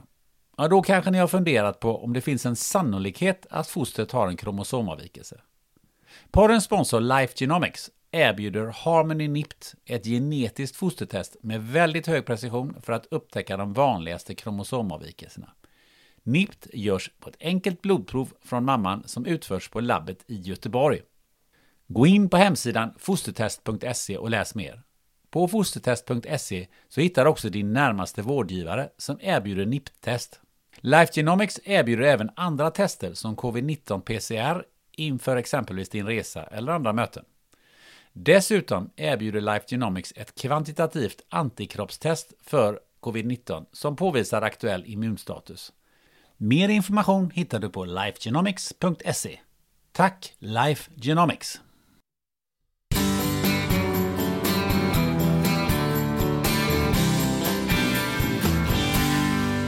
Hur kommer det sig att ni eh, träffas? För det är ändå ganska hyfsad åldersskillnad mellan er. Ja, det är det ju och eh, Nej, det blev eh, första grejen vi gjorde var väl 77 på Radio Halland. För då hade jag varit, då kom jag till ungdoms final fick stryk finalen och då skulle de göra ett program med oss på en morgon där i alla fall och ja, jag kommer ihåg det. Så att, och då träffade jag honom första gången, ja det var ju lite, kom ju han där, man var ju lite nervös då, lite puls. Så gjorde vi intervju ihop i alla fall. Så ja, och sen efter det så frågade han om jag, ja, jag åkte, jag bodde ju i Halmstad så jag tog tåget upp till Falkenberg och så ville träna han med mig någon gång och sådär va. Så Ja, och det, det, är också sådär man kommer ihåg första träningen med han var man ju trött efter tio minuter för han missar ju Och så vågar man inte missa själv heller. Nej, och sen blev det, när jag flyttade till Falkenberg då som 16-åring så blev det en, han var där och Tickan var där och de var ju proffs i Tyskland, var Erik Lind var också där så att eh, det blev att man fick träna med dem och det betyder ju mycket. Och eh, sen blev det att jag, han tog med mig hem, lyssna musik är ju hans stora intresse va, så han fick ju med en där lite och eh, med sig av mycket av sina erfarenheter då. Han var ju själv i Japan och lärde sig mycket där va och jag fick se hans träningsdagbok. Han hade träningsdagbok ja. Så att eh, så mycket han tränade och lite sådär. Ja. Så att det byggdes en vänskap där som har, har varit sedan dess. Ja. Sen har vi ju spelat dubbel på SM och eh, ja, men han har, han har varit väldigt bra på att dela med sig till alla då egentligen, alla spelare, vi som kom fram där och dela med sig av vad han hade lärt sig på vägen. Så han var ju bra för landslaget också, väldigt bra. Det måste ju varit häftigt ändå att eh, men han var världsmästare i pingis och du var ungdomsmästare. Ja, det var ju häftigt och sen höra också, få den här liksom vad som krävs lite och sånt där. Va? Och, alltså det var, det var häftigt alltså. Jag hade även Hammarn var på ett eh, ungdomsläger när vi hade sommarläge i Halmstad. Så ja, det finns ju en bild där också. Det var också lite coolt. Jag, han tog också med mig på någon båtgrej här i Halmstad och en middag då och sådär. Så det var, det, det, var häftigt att få med sina idoler då som man hade haft som ungdom. Och sen då var de ju, ja som vi pratade lite om, mina vanliga människor liksom. Och väldigt så dela med sig och sådär. Så det var häftigt. Så det var det enda jag, den enda jag inte fick träffa av de tre då, det var ju Hasse Alcé då av dem. Det var de tre, där, tre musketörerna där men han fick aldrig träffa. Ja just det. det. Numera är det väl bara Stellan Bengtsson som Ja är det är bara Stellan som är i livet av de tre. Just eh, föregångarna inom svensk eh, pingis. Ja, det var det ju. De tre där och innan dess var det, ja, Tage Flisberg var ju också med, men sen kom ju de tre som ver verkligen så att eh, alla spelar ju pingis. Ja, som du sa själv, i varenda källarutrymme och varenda garage fanns det väl ett pingisbord då på slutet av 60, början av 70-talet där. Så att, ja, det var häftigt. Hur gick det här ihop med eh, familj och, och pingisliv? Det måste ju varit väldigt mycket resande. Som du redan var inne på här. Ja, det blev det ju. Så att eh, har ju två barn då, Oliver som är född 93 och sen Emily som är född 95 ja. Så att det var ju mitt i karriären här ja. Så att det var eh, det. Är väl ingenting när de kom så naturligtvis var det svårt. Alltså man ja, prioriter, då bodde vi i Halmstad också här ju, alltså, och eh, prioriterna blev kanske inte alltid träning, det blev lite kortare träningar och hem lite snabbare och sådär och hjälpa till då med och, i, ja, hemma då, sen när det, när det kom till dagis och sådär också hämta. Så det var ju några år när jag, jag tappade lite där 93, 94, 95 också. Sen var inte det bara för dem där, det hände ju lite, jag var med inblandad i en bilolycka och så hade jag lite problem med pingislandslaget där. Så att, men det var en omställning där, men en rolig omställning var det. Hur mycket slet det på er eh, att du var borta så mycket? Jo, men det blir eh, i efterhand så blir det ju väldigt mycket för ja, min exfru Madeleine då, naturligtvis fick hon ta ett oerhört tungt lass med henne. Så det var väl mycket därför också som vi blev att 99 flyttade vi ju till Oslo. Och eh, det var ju för att hon ville hem då, för hon hade en son sen innan också som heter Robin då. Så att eh, då gick jag med på det, för jag trodde faktiskt så, jag tänkte inte efter OS i Sydney 2000, tänkte jag att ja, nu, nu är jag 34 år, det är nog rätt lagom att sluta där. Men eh, ja, det blev ju inte så. Så att vi flyttade till Norge och jag fortsatte spela och det är klart det slet mycket för jag var, jag var borta väldigt mycket. Det var. Funderar du någonsin i det läget att nu lägger jag av och låter familjen ta första rummet? Ja, det var det. 2000 då efter OS i Sydney hade jag väl tänkt att sluta. Men sen är det ju också att det är lätt att säga man ska sluta, men jag har ju då spelat sen, varit proffs sen jag i stort sett var 16-17 där. Och det är inte så att man bara, ja nu slutar jag flytta till Norge, ja vad ska jag göra där? Eh, ja, pingisspelare, ja det är ju inte så enkelt att bara hitta ett jobb. Det är ju inte som man byter efter så lång tid liksom. Och, så jag kände väl det att, ja, pingis det är ju det jag kan liksom. Så att, ja, och det är där jag tjänar pengarna. Så att eh, det blev ju att jag spelade vidare. För jag hade liksom ingen utbildning för och jag hade inte slått mig in på någon annan bana. det kanske hade varit enklare då om man hade liksom tanken att jag ska göra något helt annat. Men det, det hade jag inte. Jag bara tänkte jag slutar efter OS i Sydney liksom, så blir det nog bra. Men sen slog det ju en bara, ja vad ska jag göra då liksom? Det är inte så enkelt att bara byta karriär liksom. Jag läste för något år sedan en biografi av Agassi. Mm. Eh, där han säger att han hatar tennis. Det har han gjort ända sedan han var barn. Mm. Eh, du har ju inte hatat pingis, men eh, det finns ju en parallell där till det du säger. Just det här att, ja men vad är det jag kan? Jag kan tennis i mm. hans fall, mm. pingis i ditt fall. Mm. Ja men där skiljer det. Jag har alltid älskat att spela liksom. Och det är därför jag inte kunnat sluta heller. Jag har ju alltid, det har blivit liksom att det är det livet man har vant sig vid och kan och, och haft så mycket roligt, så många upplevelser. Så att ha, jag har alltid älskat att spela pingis. Det, det är otroligt, som, man säger, som du säger, att han har hatat att spela och bli så bra som han blev. Men det är helt makalöst bra men det är ju också lite intressant, för jag tycker han gjorde ju en rätt intressant grej. Han följer ju så mycket på rankingen en stund där, just att han fick ju börja om liksom. Det kräver ju ändå en hel del mod jag. Och då tänker jag bara, hatar man det så mycket och vill verkligen ta sig upp igen där då? Så det, det känns, ja det, ja. Det, för vad jag var ute efter, mm. just att vad, vad, vad jag hör lite grann är att mm. fastna lite i den i den, vad ska man kalla det för fälla eller, eller boxen eller vad man ska kalla den för. För att just att det fanns inte så mycket annat att göra. Även om du tyckte det var kul så fanns det inte så mycket annat att göra än pingis. Om, förutom familjen. Men familjen är mm. naturligtvis viktig. Men du ska ju också jobba. Ja, man måste jobba. Det är inte så att man har tjänat så mycket pengar. Det är klart, hade man haft den förutsättningen att man kanske hade varit ekonomiskt oberoende så hade det varit lite enklare att ta beslut kanske. Nu, då, kan, då öppnar ju sig lite mer möjlighet att man kan göra lite som man ja, man kanske vill starta någon business eller sådär. Men nu var man ju inte den. Det är ju, det är ju pingisen som man har försörjt sig på liksom. Och sen kommer man bara säga att man ska sluta också var väl lite så. Jag var i semi, hade ett fantastiskt år 2000. Då låg man ju nästan på toppen igen liksom. Vi vann EM och det var vann VM mot Kina och sen semi på OS liksom. Sådär. Ja, nu slutar jag för jag ska flytta till Norge liksom. Det, det var väl lite kanske i slutändan, kanske det var lite drastiskt. att man tänkte att man verkligen skulle sluta där. Så innerst inne så trodde jag väl kanske inte att jag skulle sluta heller. Så att. Men är det någonting så här i efterhand som du äh, ångrar eller du tycker det kunde gjort annorlunda? Nej. När det gäller detta alltså? Nej, det... Nej, jag brukar ju inte titta eller sådär ångra. Nej, jag tror inte det. Det var, det, det var ju naturligtvis tufft att, ja, att man gick skilda vägar sen 2009 blev det ju. Så att det är klart att man vet ju inte om vi inte, om jag hade slutat med pingisen här, det vet man inte vad som hade hänt. Nu gjorde vi en rolig resa, eller en, en kul resa, vi var ju i Qatar som vi var inne på innan där, där var vi ju hela familjen då. Och bodde, jag jobbade och de eh, lärde sig mycket med språket. Mina barn då gick på internationell skola och så här. Så det, det, var, det var en uh, kul upplevelse. De fick också en, uh, se något annat, ett annat land och lära sig en annan kultur och sånt här. Så det var nog väldigt lärorikt för hela familjen det. Och då var vi ju väldigt mycket tillsammans också. Det året, därför då var det ju, då var man ju bara på ett ställe i stort sett. Nu är dina barn vuxna. Om mm. de tittar tillbaka på sin uppväxt, vad, vad, vad säger de?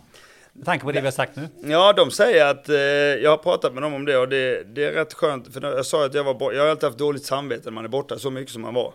Men då säger de att det, det bästa var ju när jag var hemma. För då var jag ju hemma till 110 procent. Då hämtade jag, jag lämnade på skolan, hämtade på skolan, jag lagade mat efter och vi gick på, vi gjorde så mycket när man väl var hemma. Då fick jag ju, då var ju, allt fokus var ju på dem. Så det, det var rätt skönt att höra, för jag har alltid haft sådär, ja, man har haft dåligt samvete att man var borta så mycket och reste och sådär, men det, det kändes riktigt skönt. Och vi har ju väldigt bra idag, nu, nu är de på väg ner till mig, för de har ju blivit, eh, de bor kvar i Norge då. Och nu är de ju så stora så nu kommer de till mig. De tycker det är roligt att komma eh, ner till mig då. Så att, och de spelar golf lite och sådär. Så vi gör, vi gör en hel del ihop nu också när vi, när vi väl ses då. Vi syns ju inte så ofta då, men när vi träffas så har vi kvar det här. Så, då är ju allt fokus att vi hittar på grejer. Det gick ju inte färdigt eh, gymnasiet. Är det någonting du eh, ångrar idag? Nej, jag var ju nära var jag. Jag hade bara ett halvår kvar. Jag, jag gick ju nästan, men det är väl lite synd att jag inte kunde fullfölja. Men jag var, Eh, det hade varit skönt att ha haft den helt klar när jag var så nära. Jag gick ju ett och ett halvt år och jag hade, på den tiden var det, jag gick en tvåårig linje ju. Eh, distribution och kontor hette den ju, så att DK-linjen gick den ju under där. Så att, ja, det var väl lite synd, men eh, det blev ohållbart för jag kom ju med i seniorlandslaget där, så jag, jag, jag var aldrig där. Så det, det, var inte så roligt att vara på de lektionerna heller, för jag satt där och visste inte vad som hade hänt. Den första året gick jättebra, men inte andra, första halvan på andra året. Lärarna hade också problem. De sa ju inte vad vi ska sätta för betyg på det. Och, då, nej, och det blev jag. Ni behöver inte bekymra er nu för att jag, nu slutar jag för nu är det så mycket med landslaget. OS har ju kommit upp några gånger eh, när vi har pratat nu här. Eh, sju OS-turneringar har det blivit. Ja. Eh, och eh, du har ju en bit upp till världsrekordet. Eh, som jag har googlat mig till. Det finns en kille som heter Ian Miller från Kanada som har gjort tio olympiska spel och det är han ensam om faktiskt i världen. Han, han började 1972 i ridsport och gjorde sitt sista OS 2012. Ja, det är svårslaget. Det är svårslaget. Kanske ja. du som tränare. Du... Ja, nu har jag gjort ett som tränare. Ja, så, att, ja, så jag har varit gäst på ett som eh, bisittare. Om ja, det, det kan räknas också. Ja, det kan räknas det. Ja, nej då. Nej, det, tio är svårt ja. Nej, men eh, sju, eh, ja, det är ju det som alltid har, eh, eftersom jag aldrig lyckades ta en OS-medalj där så har, det ju, har jag ju provat sju gånger. Och det, det är väl mest stolt över att de sju gångerna jag provat har jag känt att jag har varit där för att kunna ta den där medaljen, eller vin, medalj är jag inte ute efter, jag, man vill ju till final och vinna. Det är ju det som har varit målet. Och det, det är väl något jag har känt på alla de sju OS som jag varit med på, att jag har haft chansen varje gång att vinna. Men varför blev det inte ett åttonde? Nej, det, jag var lite, om jag ska vara riktigt ärlig så var jag lite sugen ett tag där, men sen kände jag att lite det som jag var inne på innan, jag tror inte, jag räckte inte till där, jag kände det. 2012 då när jag var med i London där så hade jag, jag blev skadad, det var första gången jag var skadad innan till OS, Så jag kom ju till OS, visste inte om jag skulle kunna spela, för jag hade vilat en månad där innan, men kom till start, men sen spelade jag lite 2012 därefter och kände att nej, det, spelet är lite för snabbt för mig. Jag, jag kan slå de här, men jag, jag, slår inte de bästa längre. Det har inte riktigt den kraften. Och då kände jag väl också att vara med, bara för att vara med och göra ett åttonde, nej. Det kände jag att de andra som jag var inne på, sju gånger har jag känt, jag är där för att kunna gå till final och vinna. Men ett men, åttonde, var bli ensam i Sverige? Ja, men det, det, det lockade inte så. Nej, det var inte det. Nej. Men vilket var det bästa eh, ur, ur din synvinkel som du gjorde? Ja, bästa är väl... Eh, tycker jag... Ja, ja, med, eh, de är mest, som jag är mest missnöjd, alltså ja. 92, efter jag hade vunnit VM där så hade jag ju större förhoppningar när jag kom till, eh, eftersom jag var världsmästare 91 och kom till eh, Barcelona 92 eh, trodde jag ju på väldigt bra chans. Alltså, jag, jag var ju i kvartsfinal så jag var inte långt ifrån. Men jag fick stryk av en av mina värsta. Och sen 96, de var väl de eh, där som var mest besvikelse. Men sen har jag ju 2000 i Sydney. Fantastisk resa där i, i semi, för det är jag och Gio i semi mot Liguliang och Kong då, de två kineserna. Och där trodde jag också att jag skulle gå hela vägen. Där var jag i riktigt bra form alltså. Men tyvärr lägger jag i semi där. Och sen naturligtvis när jag efter att ha haft paus då ett år med Qatar-jobbet där så kommer jag tillbaks till Peking-OS och går till, det är jag mot tre kineser när det kommer till semifinal då. Där trodde jag också att jag skulle gå hela vägen. Den matchen är nog den som jag minns mm. mest eh, utav alla eh, eh OS-pingismatcher som jag sett den semifinalen. Ja, det är kul att höra, men det, det, var väl lite speciellt. Jag var ju gammal redan då, men jag var 42 år. Och just att spela i Peking där och det är jag mot tre kineser. Så det, ja, det, den, den kan svida. Jag tycker att jag, jag får inte till, riktigt till det i den semifinalen. Jag vet inte om jag var lite nervös där så att jag inte blev, ja, lite sådär. För att tyckte jag hade bra läge där. Vad är det som har gjort att du har kunnat spela så länge? Jag har haft tur med skador. Alltså jag har klarat mig, varit mycket skonad där. Men sen en, tror jag, en otrolig envishet och att hela tiden utvecklas med spel. Vi har haft rätt mycket eh, regeländringar och det har ändrats räknesätt. Bollen har räkna, äh, blivit större från 38 mm till 40 mm. Det har gjorts en hel del ändringar med att ja, förr limmar vi om racken, nu gör vi inte idag, nu är det en annan variant. Så att, och sen också det här att, att möta kineserna, de olika generationerna som framförallt jag och Gio höll på med länge och försöka ja, både vinna och slå med dem när det kom nya generationer. Det har varit en morot också. Det. Hur håller man sig så här eh, fit eh, även nu som du, när du inte tävlingsspelar längre? Nej men jag är ju med, nu när jag jobbar som tränare så håller jag mig fint. Det är, de, det är ungdomarna som jag, jag är inne och sparrar mot dem lite ibland och tränar faktiskt med dem. För på tävlingar ibland kan de behöva lite hjälp och då, då är det bra om jag är hyfsad så att jag kan mota bollen på ett bra sätt. Så det, det är kul det. Så ibland eh, säger de att jag, de, de ser alltid att jag, jag är alltid beredd. och det är kul att kunna hjälpa till lite med inslagning och lite sådana enkla grejer. Du är förbundskapten eh, nu då. Eh, hur ser eh, framtiden ut för eh, svensk pingis? Jo, den ser väldigt ljus och bra ut. Vi har ju haft lite fina framgångar här nu på de senaste åren. Det börjar ju till och med med, ja, när vi sitter här nu, Halmstad Arena, eh, med VM på hemmaplan 2018.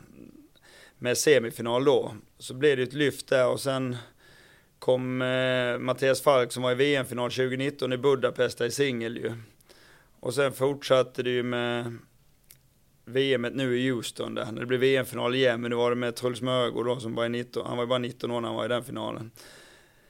Eh, och eh, VM-guld, eh, dubbelguld för Mattias Falk och Christian Karlsson som inte hade hänt på 30 år då va. Så att ja, det var häftigt och eh, så det ser väldigt bra ut och det är ju lite det här som från våran tid när vi fick framgångar så ja, vann Gius kunde jag vinna, vann Erik eller Äpplet eller Tickan eller Stellan eller vilka det var. Så, så drogs man ju med i det här och det är det man hoppas också det här nu med de framgångarna vi har haft att de andra spelarna också hänger på. Och så har det varit lite här nu att eh, både Anton Kjellberg har gjort bra, Christian Karlsson då också. Va? Så att, eh, och sen är den åldringen lite Jon Persson, men naturligtvis hoppas man att även de yngre alltså, ska fylla på då. Och det ser bra ut på ja, 15-åringar har vi en del bra som gjorde bra ifrån sig på junior-EM nu och så. Och på damsidan händer det också lite, så det är kul.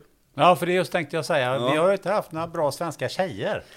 Nej, det har varit lite tunna där, men vi är på gång där. Nu är det två som, eh, ja, Linda Norberg och St äh, Stina Kjellberg säger jag bara. Det är ju Antons lilla syster där va. Så att det, det händer lite där. Och sen även på junior-EM nu så tog de eh, brons tjejerna där va. Så det händer lite. Det satsas en del också så det är kul. Vad kommer det sig att vi inte har varit bättre då? Ja, vi var bra för med, hade vi Marie Svensson, Europamästarinna, fast det nu får vi gå tillbaka till 94 då, så det är långt tillbaka tid. Nej, men det är, det är tuff konkurrens. På, på damerna är det ju framförallt Asien som dominerar enormt där. De är ganska långt före Europa om man säger som så. Va? Så att det är tufft. Och sen är det inte lika lätt idag att försörja sig på ping, dampingisen som det är här pingisen. Är det ju, nu har vi ju lika prispengar men i klubbar och sånt är det ju svårare. De har ju inte riktigt de pengarna där, damerna. Så att det blir väl ibland att de kanske väljer det civila när man kommer upp i åren där. Men det ser positivt ut nu i alla fall, så vi hoppas. Vad tillför du som eh, förbundskapten, tycker du själv? Jag tillför väl, jag försöker dela med mig av den resan jag har gjort och det jag har lärt mig genom att spela stora tävlingar, stora matcher och eh, få dem att, ja, Pratar med dem en del, liksom hur man kan uppleva i vissa matchsituationer och sånt.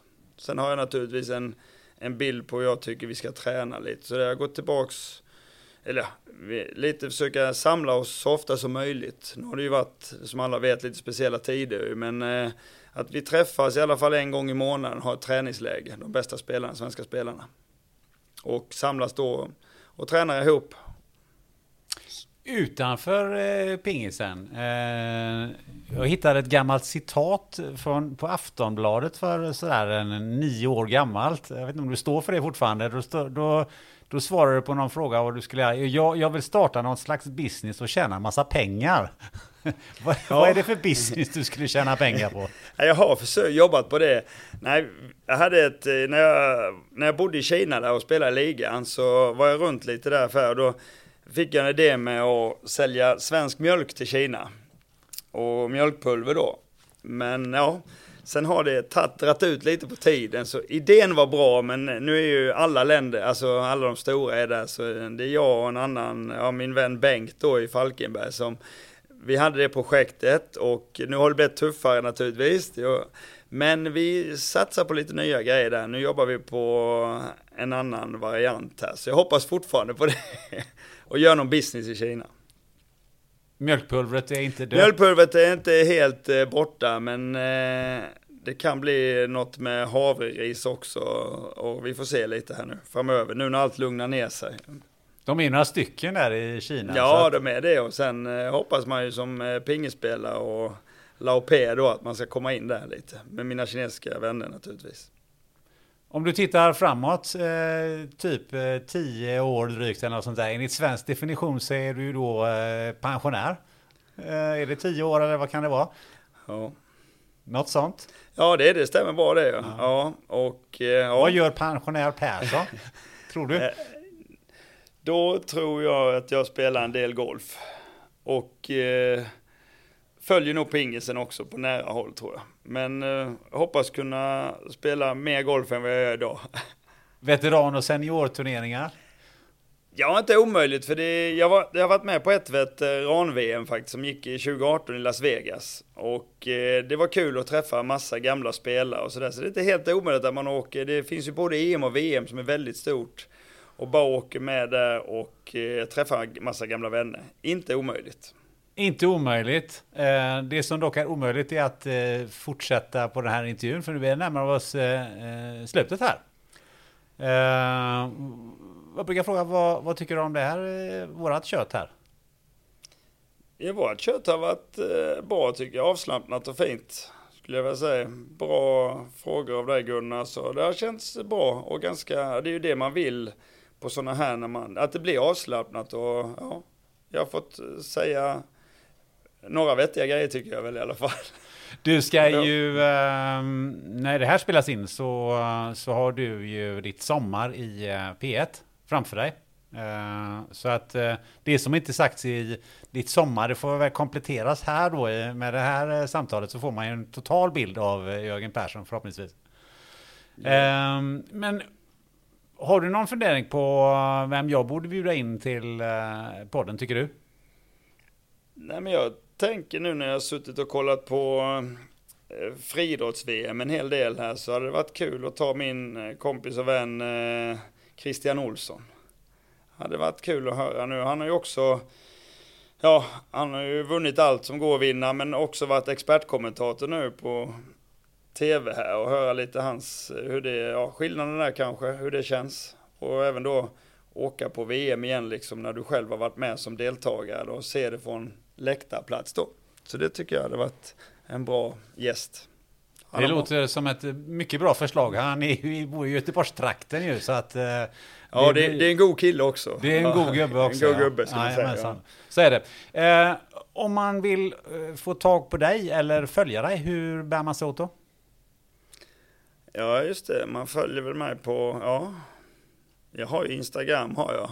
Och Facebook har jag också.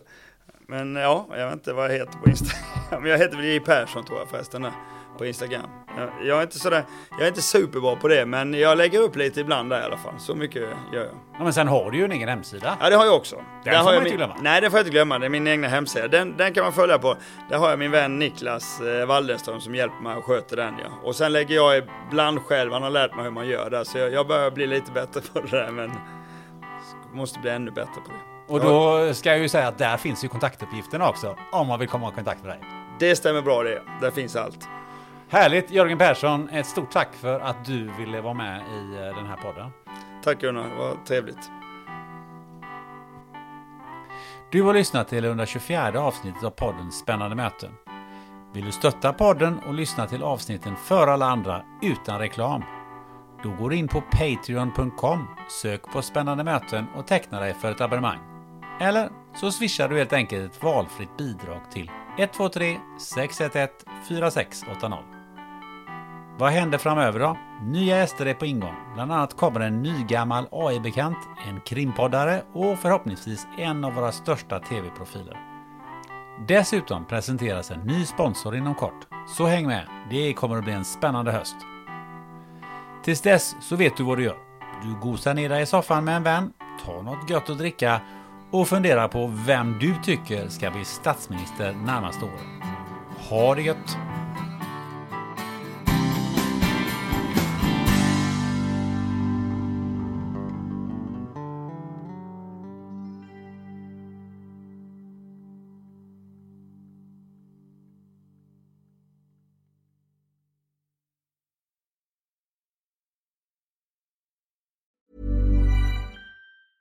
Planning for your next trip?